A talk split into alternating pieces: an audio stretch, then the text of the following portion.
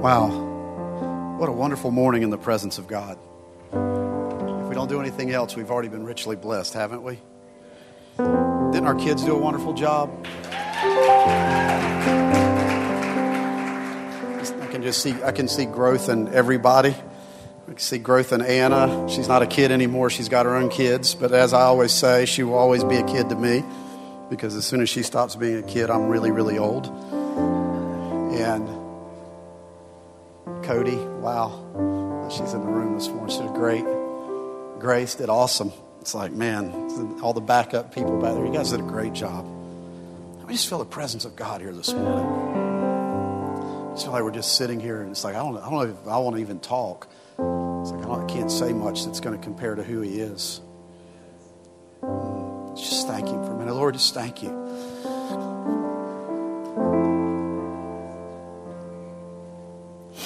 We're just so blessed above all the people of the earth.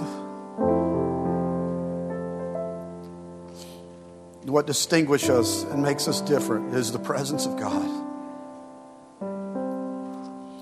It's what Moses prayed and what Moses said and what Moses received. Lord, we feel the same way.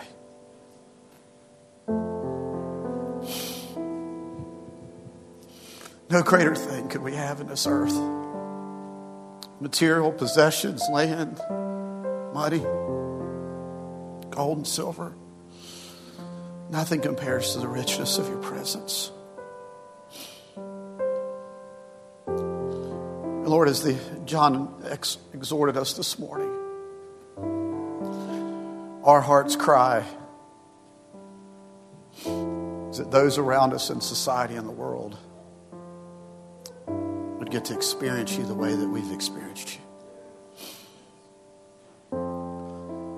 It's too good to contain it for ourselves.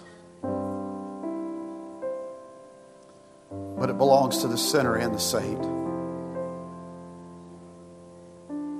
Lord, send us into the hedges and the highways and the byways. Let us have the voice of Jesus the evangelist, compelling them to come in to this banquet feast that we're feasting on right now.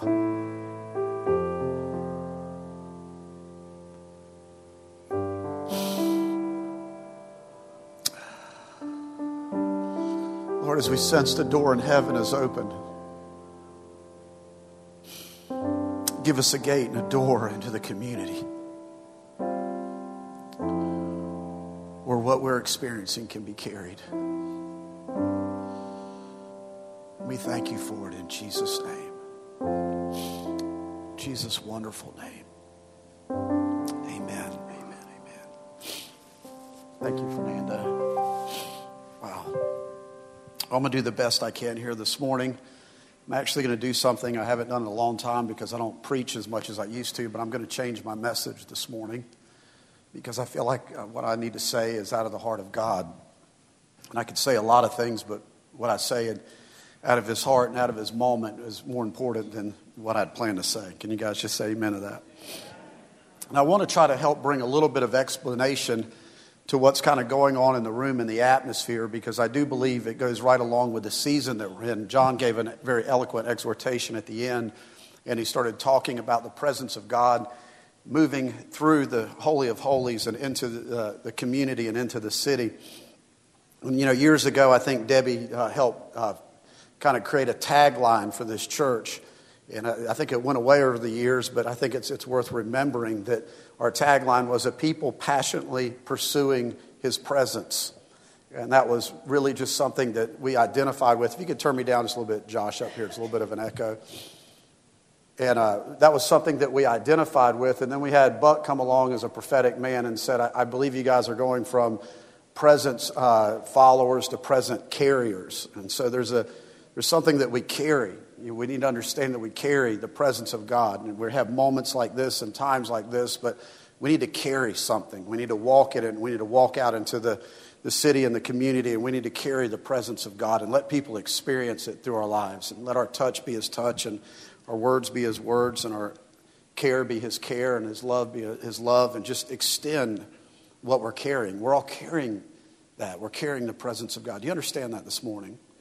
You're not just experiencing the presence of God, you're a carrier of the presence of God. So I'm going to just adjust, and I'm actually going back. I leaned over to the guy and said, I'm going to try to do this this morning. I'm going to pull, pull up notes from 2013. The last time I preached this was in front of 1,500 people, and it was the only time I preached it down in Mexico City in their worship conference. So I'm probably not going to do it a very good justice because I just pulled the notes up two minutes ago. But I, I believe the Holy Spirit can get a hold of it and help explain what is happening in this room right now. If you have your Bible, I want you to turn in Acts chapter 15. Acts chapter 15.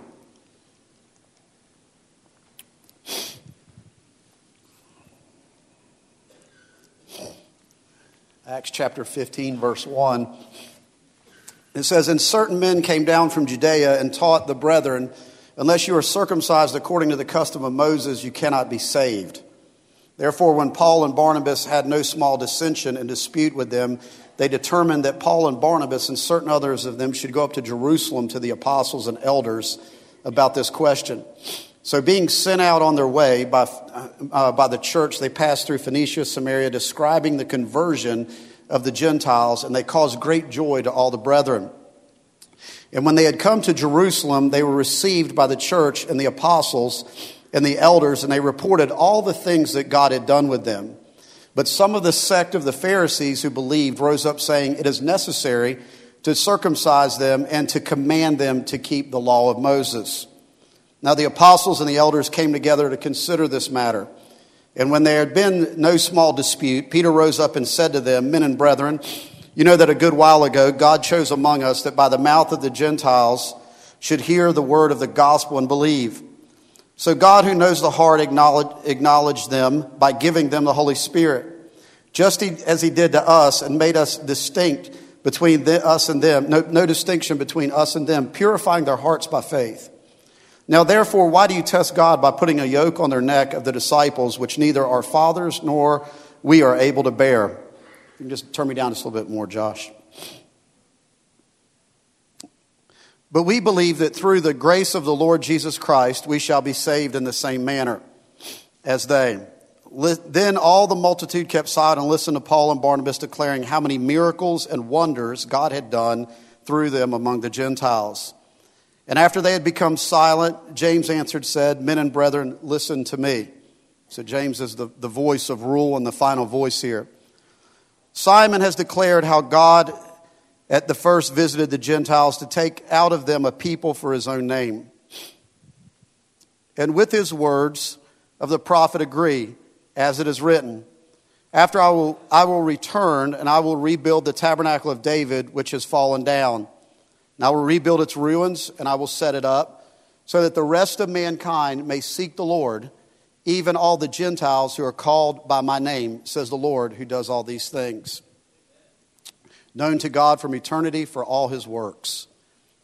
James goes on to say, Therefore I judge that we should not trouble those from among the Gentiles who are turning to God, but that we write to them to abstain from things polluted by idols, from sexual immorality, from things strangled, and from blood. For Moses has had for Moses has had throughout many generations those who preach him in every city, being read in the synagogue and every Sabbath. Then it pleased the apostles and the elders of the church to send chosen men of their own in the company to Antioch with Paul and Barnabas, namely Judas, who was also named Barsabbas, and Silas, leading men among the brethren, with this letter. So, this is a very interesting time in the history of the church that is going on here. These people are trying to get their mind around what is happening. Basically, the Spirit of God has been poured out, and it's been poured out in the upper room uh, on the day of Pentecost. How many remember that story? The Spirit of God's been poured out, but God wasn't satisfied to stay in the, the, confines of one culture. He wanted to move out into all the cultures that were in the face of the earth. As a matter of fact, when He told him to go and wait for the promise of the Holy Spirit, He said, Go and wait for the promise, but I'm going to make you a witness in Jerusalem, Judea, Samaria, and the uttermost parts of the earth. So, what God had began in Jerusalem, he wasn't interested in it staying in Jerusalem. He was interested in going to Judea, Samaria, and to the uttermost parts of the earth. And I'm so grateful that we didn't get trapped in Jerusalem because you and I wouldn't be in this room right now. I'm so glad that this didn't get trapped and stuck inside of a Jewish culture, but it went into the Gentile world because you and I wouldn't be sitting here right now. And so these apostles and these leaders are trapped in the confines of their own culture. They're experiencing a move of God, the promise of the Holy Spirit, what God said He would send in the upper room. 3,000 souls come in. They hear a sound from heaven, and devout men are gathered around the city, and they are under a major visitation of the Holy Spirit.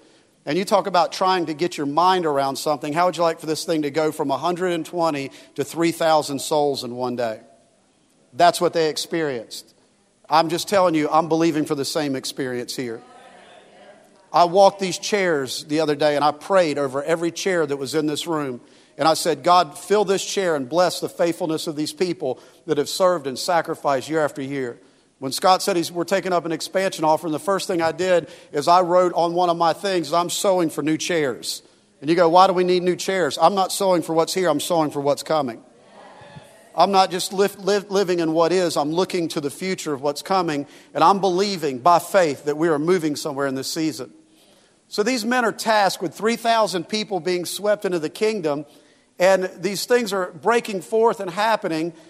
But God's not satisfied staying trapped inside this Jewish culture. He's trying to break through it and get out of the limitations of the minds of the apostles that are in the upper room. This is one of my prayers right now in this season is God, don't let me be trapped by my own leadership. Don't let me be trapped by my experiences of my past, my historical understanding. Don't let me be past and, in, past experiences and past revelation because you're living in a progression and I need you to take me someplace I may have never been before.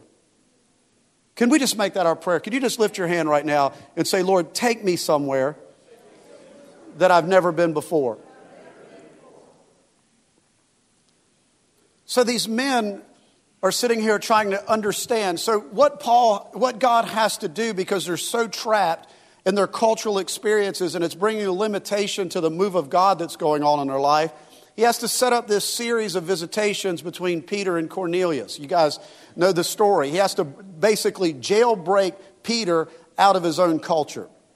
Peter would have never went to the Gentile world if he wouldn't have had the, the visitation where he saw the animals come down and Peter saying, rise, kill and eat. It, didn't have, it wasn't just about what he was going to eat or what we could and couldn't eat. It was about what he was going to call unclean and God wasn't calling it unclean. God was calling the Gentile world that he was going to make it clean and it was going to be clean. And so Peter was trapped inside the confines of his Jewish culture. He couldn't get outside of them. And so God has to give him a visitation to break him out. Come on, somebody in here just need to say, God, give me a visitation and break me out. Give me a visitation and break me out. And so Peter has this visitation and he gets down to Cornelius' house. And when he gets down to Cornelius' house, he's standing in front of this Gentile believer. And as he starts sharing and speaking, the Holy Spirit falls on Cornelius and he gets baptized in the Holy Spirit. And Peter is confronted with his own religious paradigm. God has now done something that is beyond my understanding. God. Could you just say that? God, do something beyond my understanding. Wouldn't it be really cool if you went to talk to somebody about a miracle and while you were standing there, the miracle fell on them?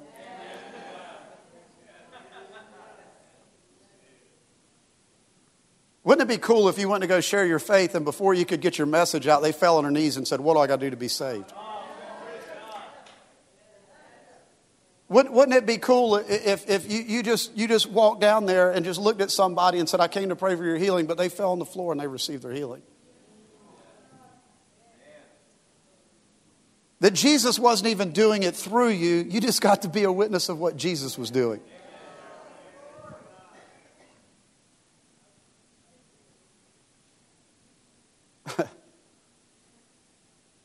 Is he that able? I don't believe he's limited nor restricted by us. He's always been jailbreaking leaders. He's always been moving. Philip was translated in the Spirit. He was picked up from one physical location and carried to another and plopped down on that, on that uh, chariot with that Ethiopian eunuch that was reading the book of Isaiah that had no one to explain it to him? How'd you like to be in one move of God in Samaria and then be translated in, into another move of God with a guy that needs an interpretation and God's sending you there to, to help, him, help him understand it?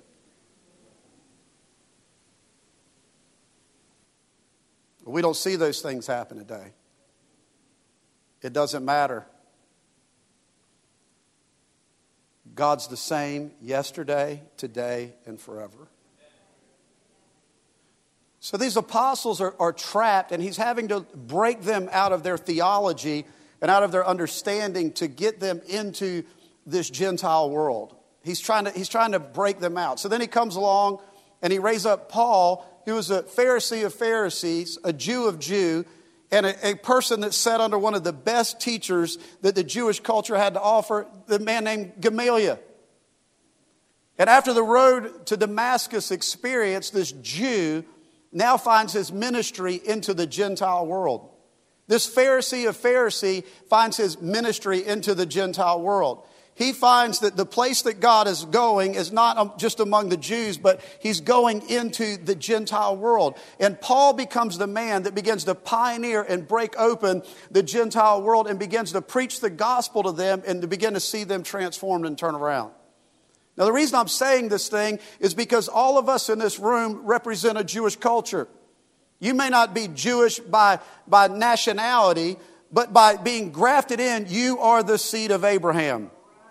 You are the seed of Abraham. You live in the same covenants that was made, the same promises that were made to Abraham. You have been grafted in to this covenant. You are living and you are walking in a covenant because of the work of Jesus and you accepted Christ. But God doesn't want to stop with us in the confines of our own culture, but He wants us to push us into the Gentile world, the unbelieving world that looks unclean and doesn't look like it, it would have anything to do with the things of God. He's wanting to move us outside of our cultural references and experiences of this church and even Christianity, and for us to look at things and go, I'm not going to call it unclean. I'm just looking for God to move and make it clean. I'm looking for where God wants to take me into where the wiles of the devil live and operate. And I'm not going to allow my traditions, my charismatic experiences to hold me captive to where God wants to take me and what I want to see God do in this next move of God.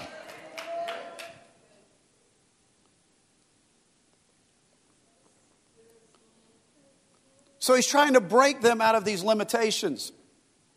So they call together this Jerusalem council. Now, there's two passages of the Bible. You know, I'm a prophetic guy and I live in the future.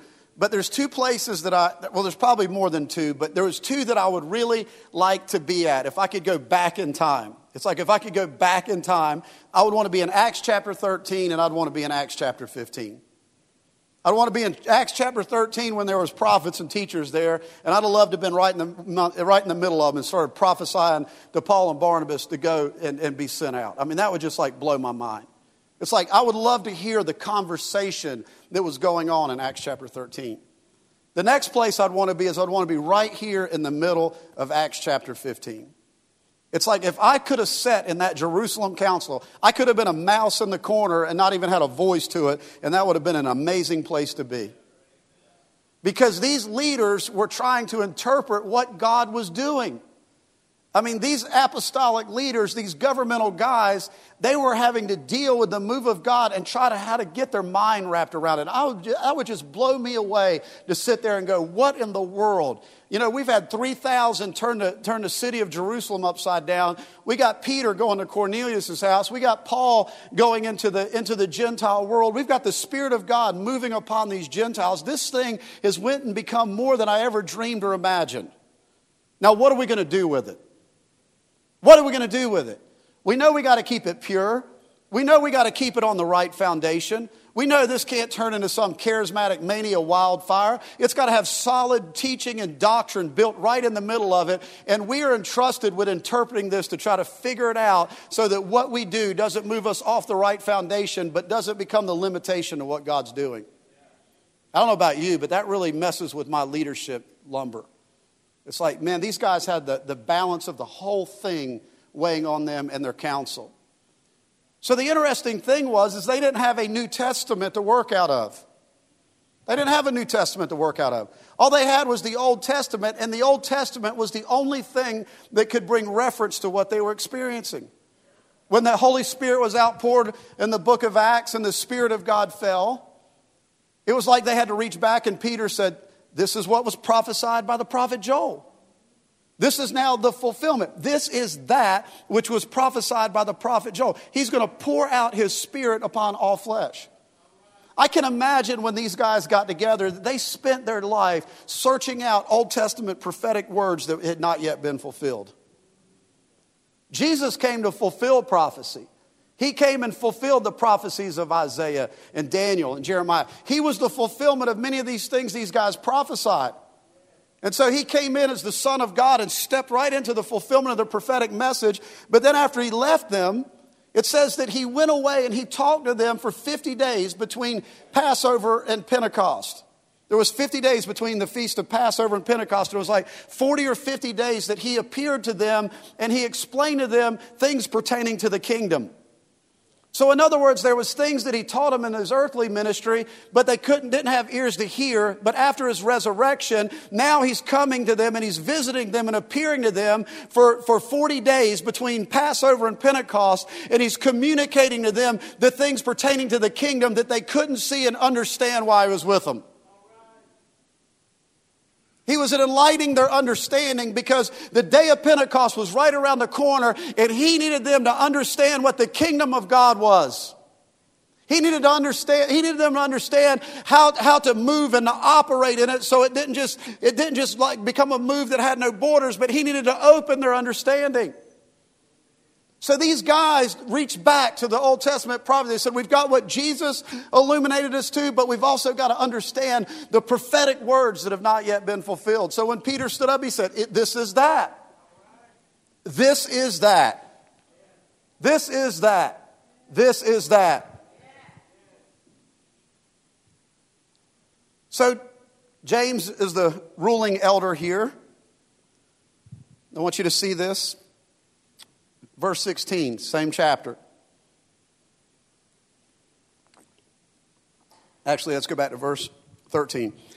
And after they had become silent, James answered, saying, Men and brethren, listen to me. He stood up. He's like, I've heard everybody's arguments here. I've heard the sect of the Jews that are saying these people need to be circumcised. I've heard Peter's testimony. I've listened to Paul and Barnabas and what's going on in the Gentile worlds. I've collected all the data. Now somebody's got to rule and make a decision. Thank God for leadership. Okay? We believe in plurality, but somebody at the end has to rule. So James says, James answered saying, Men and brethren, listen to me.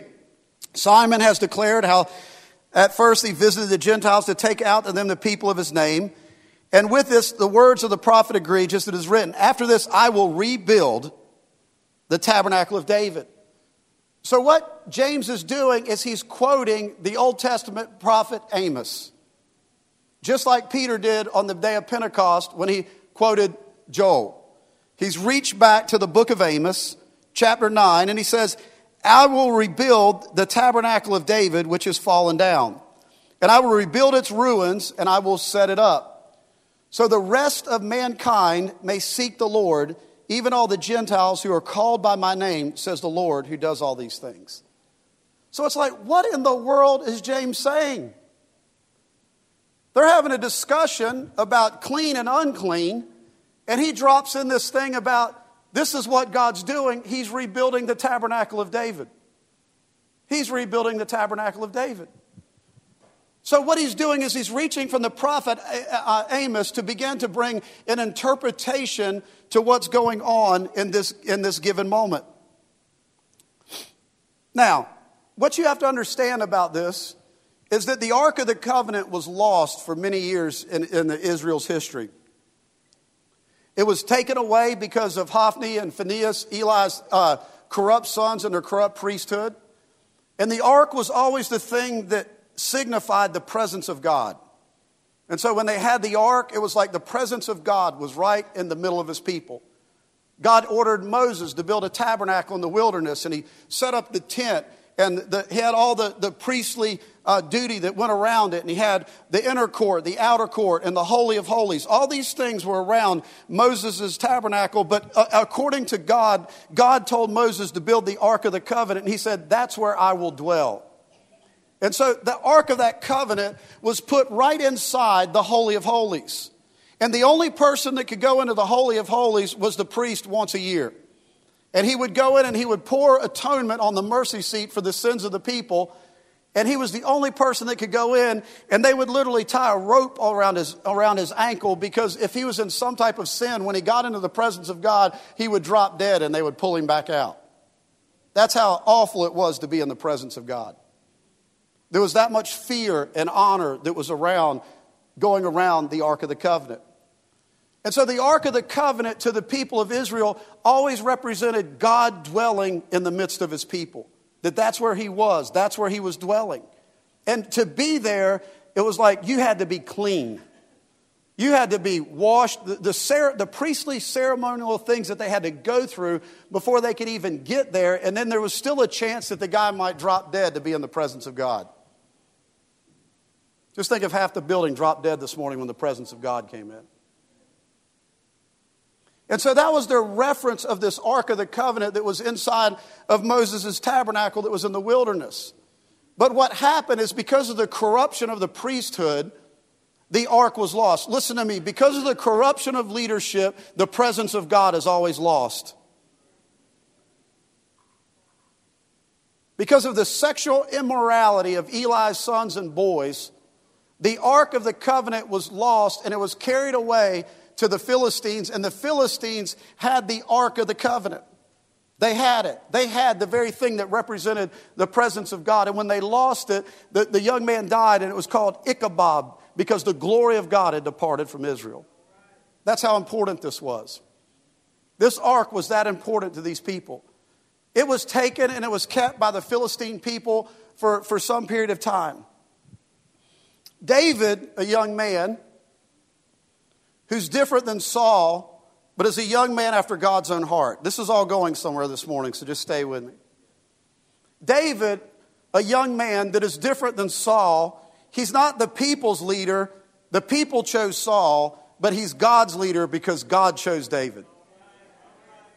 When no one considered David, God looked upon David's heart in a sheep pen and said, That's my man right there. The people chose Saul, but this is who I choose. Listen to me. You better be careful about choosing your leaders. You better receive what God chose for you.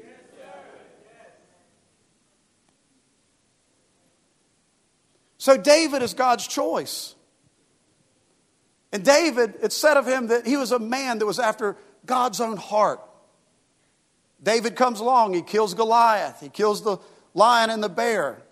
He gets, ends up getting anointed and he's received as the king of Israel. He's received, received as the king of Judah. He, he's received by the people of God. They eventually wake up that this is God's anointed and we're going to follow him. And so David steps into his rule and his reign and he's, he begins to rule in Zion. He begins to r- rule in Zion, the city of Zion. But there's something in the longing of David's heart that says, you know what? Everything is great, and we're living in some of the glory days of Israel right now. Our enemies are defeated. You know what? I'm in power, but we've got to have the presence of God. We have got to get the Ark of the Covenant. We have got to go and get the very presence of God, and we have got to bring it in to Zion. We got to bring it into the church. We got to bring it into the city of the living God. And so David says, you know what? We're going to go get this thing. We're going to go get it and we're going to, we're going to bring it, we're going to bring it back in. We're going to get it right, we're going to get it right back where it needs to be. So he derives a plan, and you guys know the plan. He puts this thing on an ox cart, and I believe it was a man named Uzzah. The ox stumbles, and when it stumbles, the ark starts to tip over, and when he touches it, he falls dead. Now, I've heard it preached my whole life that it was because David didn't seek the due order. I want you to know that's not it at all. I want to challenge your thinking this morning. Because what David did even after that had nothing to do with due order. It had nothing to do what God had told Moses to do when they brought the ark in, the, the tabernacle. There was no, he followed no pattern and order. The reason God was upset is because he did what the Philistines did when they carried the ark. And he said, You're not going to do it like the ungodly, and so this thing isn't going to work. So David goes back and he rethinks the thing and he gets it on the priest of the shoulders and he brings it into this tent or this tabernacle that he has erected right in the middle of Zion. Now, this tent and tabernacle was so completely different from Moses' tabernacle. It didn't have all the courts. It was an open air meeting where the ark was placed right in the middle of it, and the presence of God could be seen all throughout Zion and the people that came around it. Moses' tabernacle was full of blood sacrifice and all these ceremonies and all these different things that you had to do. I wish I had time to go through all of them and had, had the notes pulled up where I could do it. But all these different sequences that they had to go through just to be able, that priest, once a year, to go in by the Ark of the Covenant. When they erected David's tabernacle and they put it up and they put the ark in it in this open air tent meeting, there wasn't any of that. One day and one day only did they sacrifice and that was at the initiation of it. The other thing that David did is he assembled all these musicians and the people that were around this, this tabernacle or this tent. And they began to play and they began to sing and they started shouting and talking about how good God is. They were writing the Psalms as they were looking and experiencing the presence of God. The musicians were going at it. The singers were going at it. All the people that David had appointed around this thing, they were giving praise and thanksgiving seven by 24 and seven by 24 and seven by 24. Why? Because they were sitting there looking at a revelation of God and they were experiencing the presence of God. And what came out of them was a song of thanksgiving, a song of gratitude, a song of, of appreciation that God is with his people.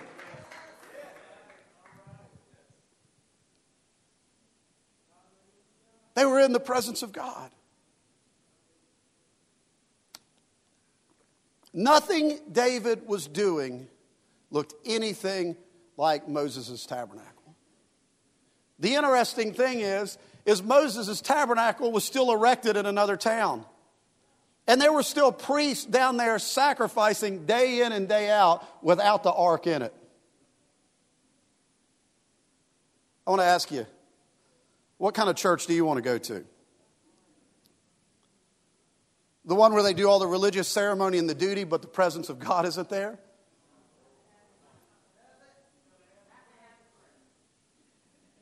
We got the religious order all just perfect and right. Oh, we got this thing squeaky clean. We know how to administrate it, orchestrate it. We got the right bells. We got the right lights. We got the right smoke machine. We got all the whiz bang things to connect the millennials. We got all the right stuff, but we don't have the presence of God. Bells and lights will never become a substitute for the presence of God.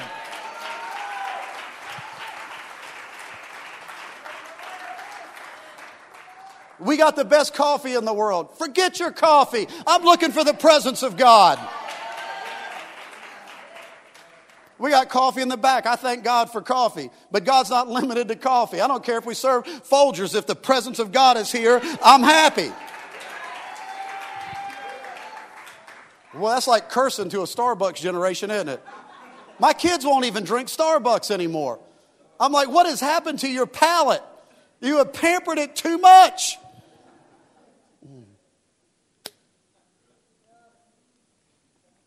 We have to have Jubala.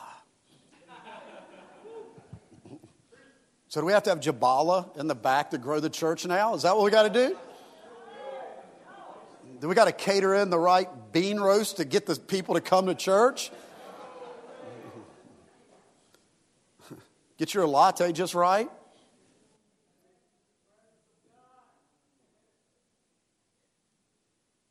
But Moses' tabernacle was doing the right order and the right pattern, but it was out without the presence of God.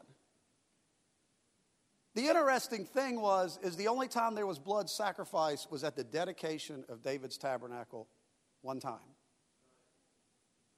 Now what was all this about? And why was James quoting it in Acts chapter 15? Why was he quoting it? He was trying to bring an interpretation of what to do with all these Gentile believers. Do we go back and put them under the law of Moses? Do we require them to be circumcised? Or what do we do? And he begins to draw from Amos 9 and says, I perceive that this is what was prophesied by the prophet that God is rebuilding the tabernacle of David. You know what it's saying? It's saying that when the blood of Jesus was sacrificed once and for all, there was no need for blood sacrifice ever again. What I was saying is, there's no longer the need for blood sacrifice and bulls and goats for the remission of sin. Jesus' blood has been shed for once and for all.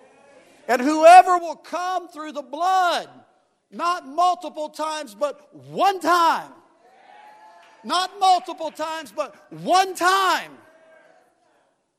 And Scott Woodard can preach Easter like nobody ever heard him preach before.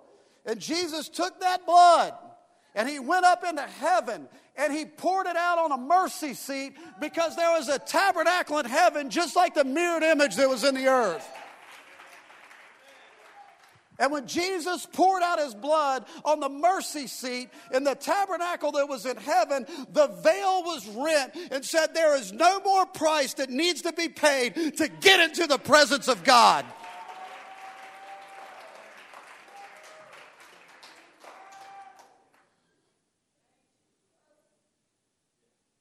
There is no sacrifice you can make. The greatest sacrifice has already been made.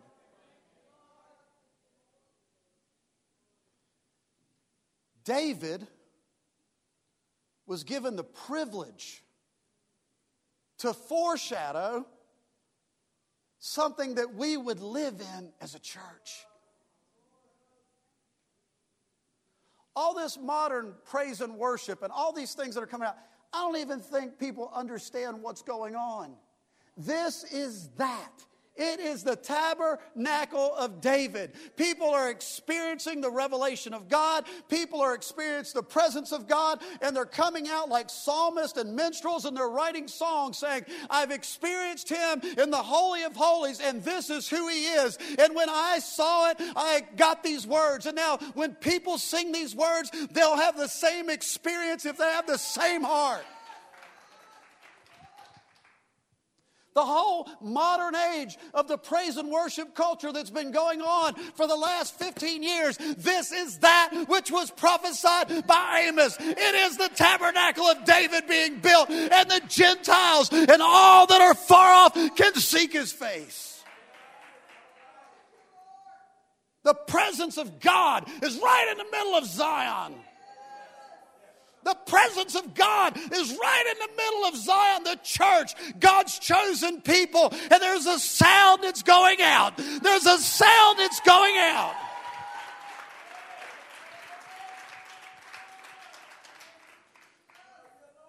And it's not just for Jerusalem, it's for Ju- Ju- Judea, Samaria, the uttermost parts of the earth. Listen to this. It is known to God from eternity, therefore I judge that we should not trouble those. But listen to verse 17 so that the rest of mankind may seek the Lord.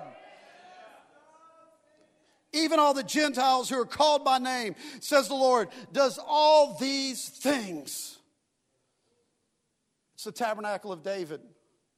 It's the tent of meeting. David was so deeply in God, so a uh, God after man's own heart. He was being so prophetic that he was given a window of time. That thing moved into Solomon's temple when Solomon erected the temple and the glory of God was there. But it wasn't like the glory days of David. It wasn't, I'm telling you, we are walking with the Ark of the Covenant. We are the people of God. We're the people of his presence. He's not far off, he's very near. He is in the middle of Zion. And there's something about our praise, there's something about our worship. These meetings aren't insignificant. I could hear the sound up here this morning.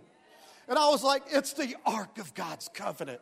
It's the presence of God among the people. And when these kids and adults began to sing, they were declaring the goodness of God and who God is. And I felt like it was no different than the upper room. There was a sound going out. There was a sound going out. There was a sound going out into the city of Raleigh, into the hedges and the highways and the byways.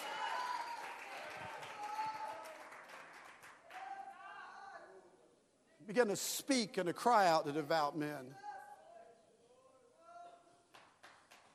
I had a young girl tell me, well, she, I got to go to work this morning. She goes, I've been visiting this church. She goes, I'm so torn now. Do I come to this church or that church? She goes, the presence of God is here. I want to be here.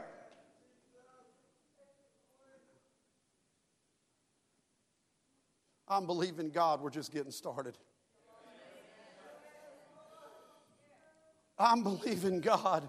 Not only these churches, these seats are going to be filled, but we're going to fill them up and fill them up and fill them up. And there's going to be all these unclean, ungodly looking people, but the presence of God is going to come in and wash them and wash them and wash them and wash them. And we may go, they came in unclean, but when they came through the blood of Jesus, they got clean. They came through the same cross, the same sacrifice that we did. And guess what? The same presence that we're experiencing, they're experiencing.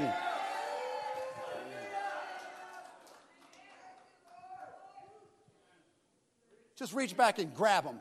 Grab them all off the back row.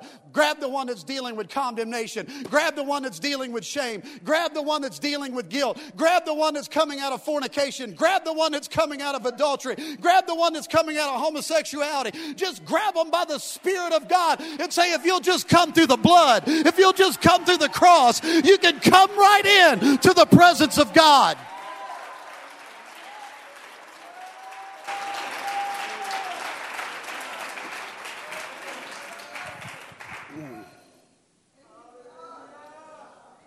And I believe we're just getting started up here. I believe we're going to raise up a whole generation of psalmists. Mm. A whole bunch of people that just say, you know what? I know that building just emptied out, but I just need to stay just a little bit longer around the ark. I know everybody else has got to go home, but I can't go yet because He's telling me something to sing about this experience. He's giving me new chords to play. He's giving me new notes to play. He's given me new rhythms. I, I hear beats and sounds and songs and expression that is going to speak to who God is.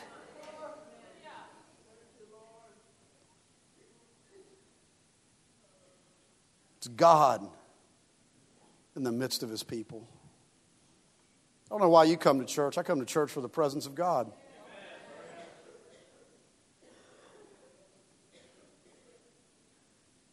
You come for some religious ceremony around Moses' tabernacle.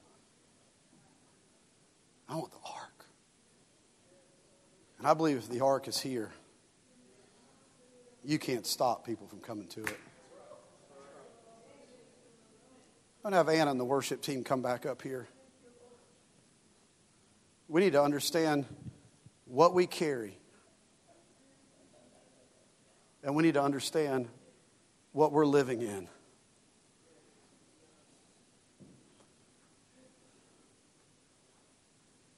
And we need to just let it out. I got Jesus on the inside, coming on the outside. Move through me. Move through Fernando. Move through Stephanie.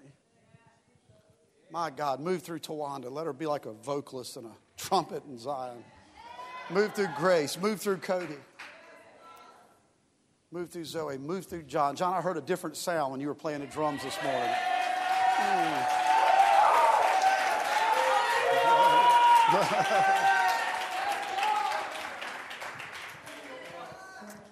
I don't know about you, but I just want to just shout and praise Him just a little bit more.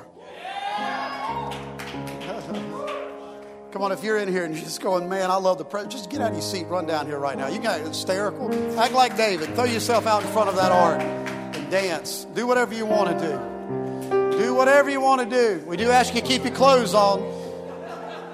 You can rip some of them, but leave your underwear on at least, all right?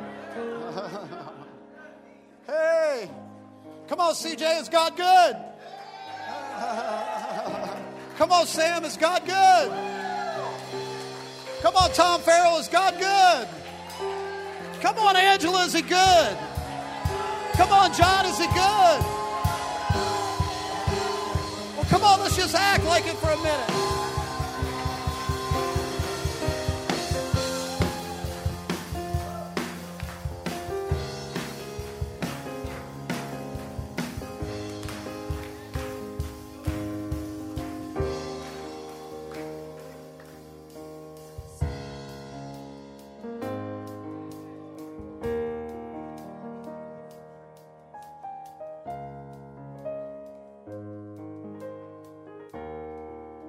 Say one more thing before you go into song. Gail, there's God's doing something in this meeting. This isn't just a woman being emotional. You moved here for the ark. It was the presence of God that brought you to Raleigh. When you walked in that little room in Brownlee, you felt something you never felt before. And there's been times that it was like, Lord, where's your presence? But I hear the Lord saying, I'm coming back again, Gail. I'm coming back again. I'm coming back again. And listen to me. It's not just going to be in this building, it's in your house. It's in your house. It's in your house. I can't think of the guy's name right now that housed the ark. What was it, Jim? Who was the guy that housed the ark? Obed Edom, that's right. You're like the house of Obed Edom. You're going to house the ark in the presence of God and it's, it's coming on you right now. I see you like a priest being able to handle the presence of God. And I hear the Lord saying, I'm going to not only let you play an instrument out of the presence of God, I'm going to put songs in your spirit. I'm going to put songs in your spirit. You're going to become a songwriter in the house of the Lord. Oh, and listen to this. Even these girls that you're going to be a mama to, the same spirit's coming on them.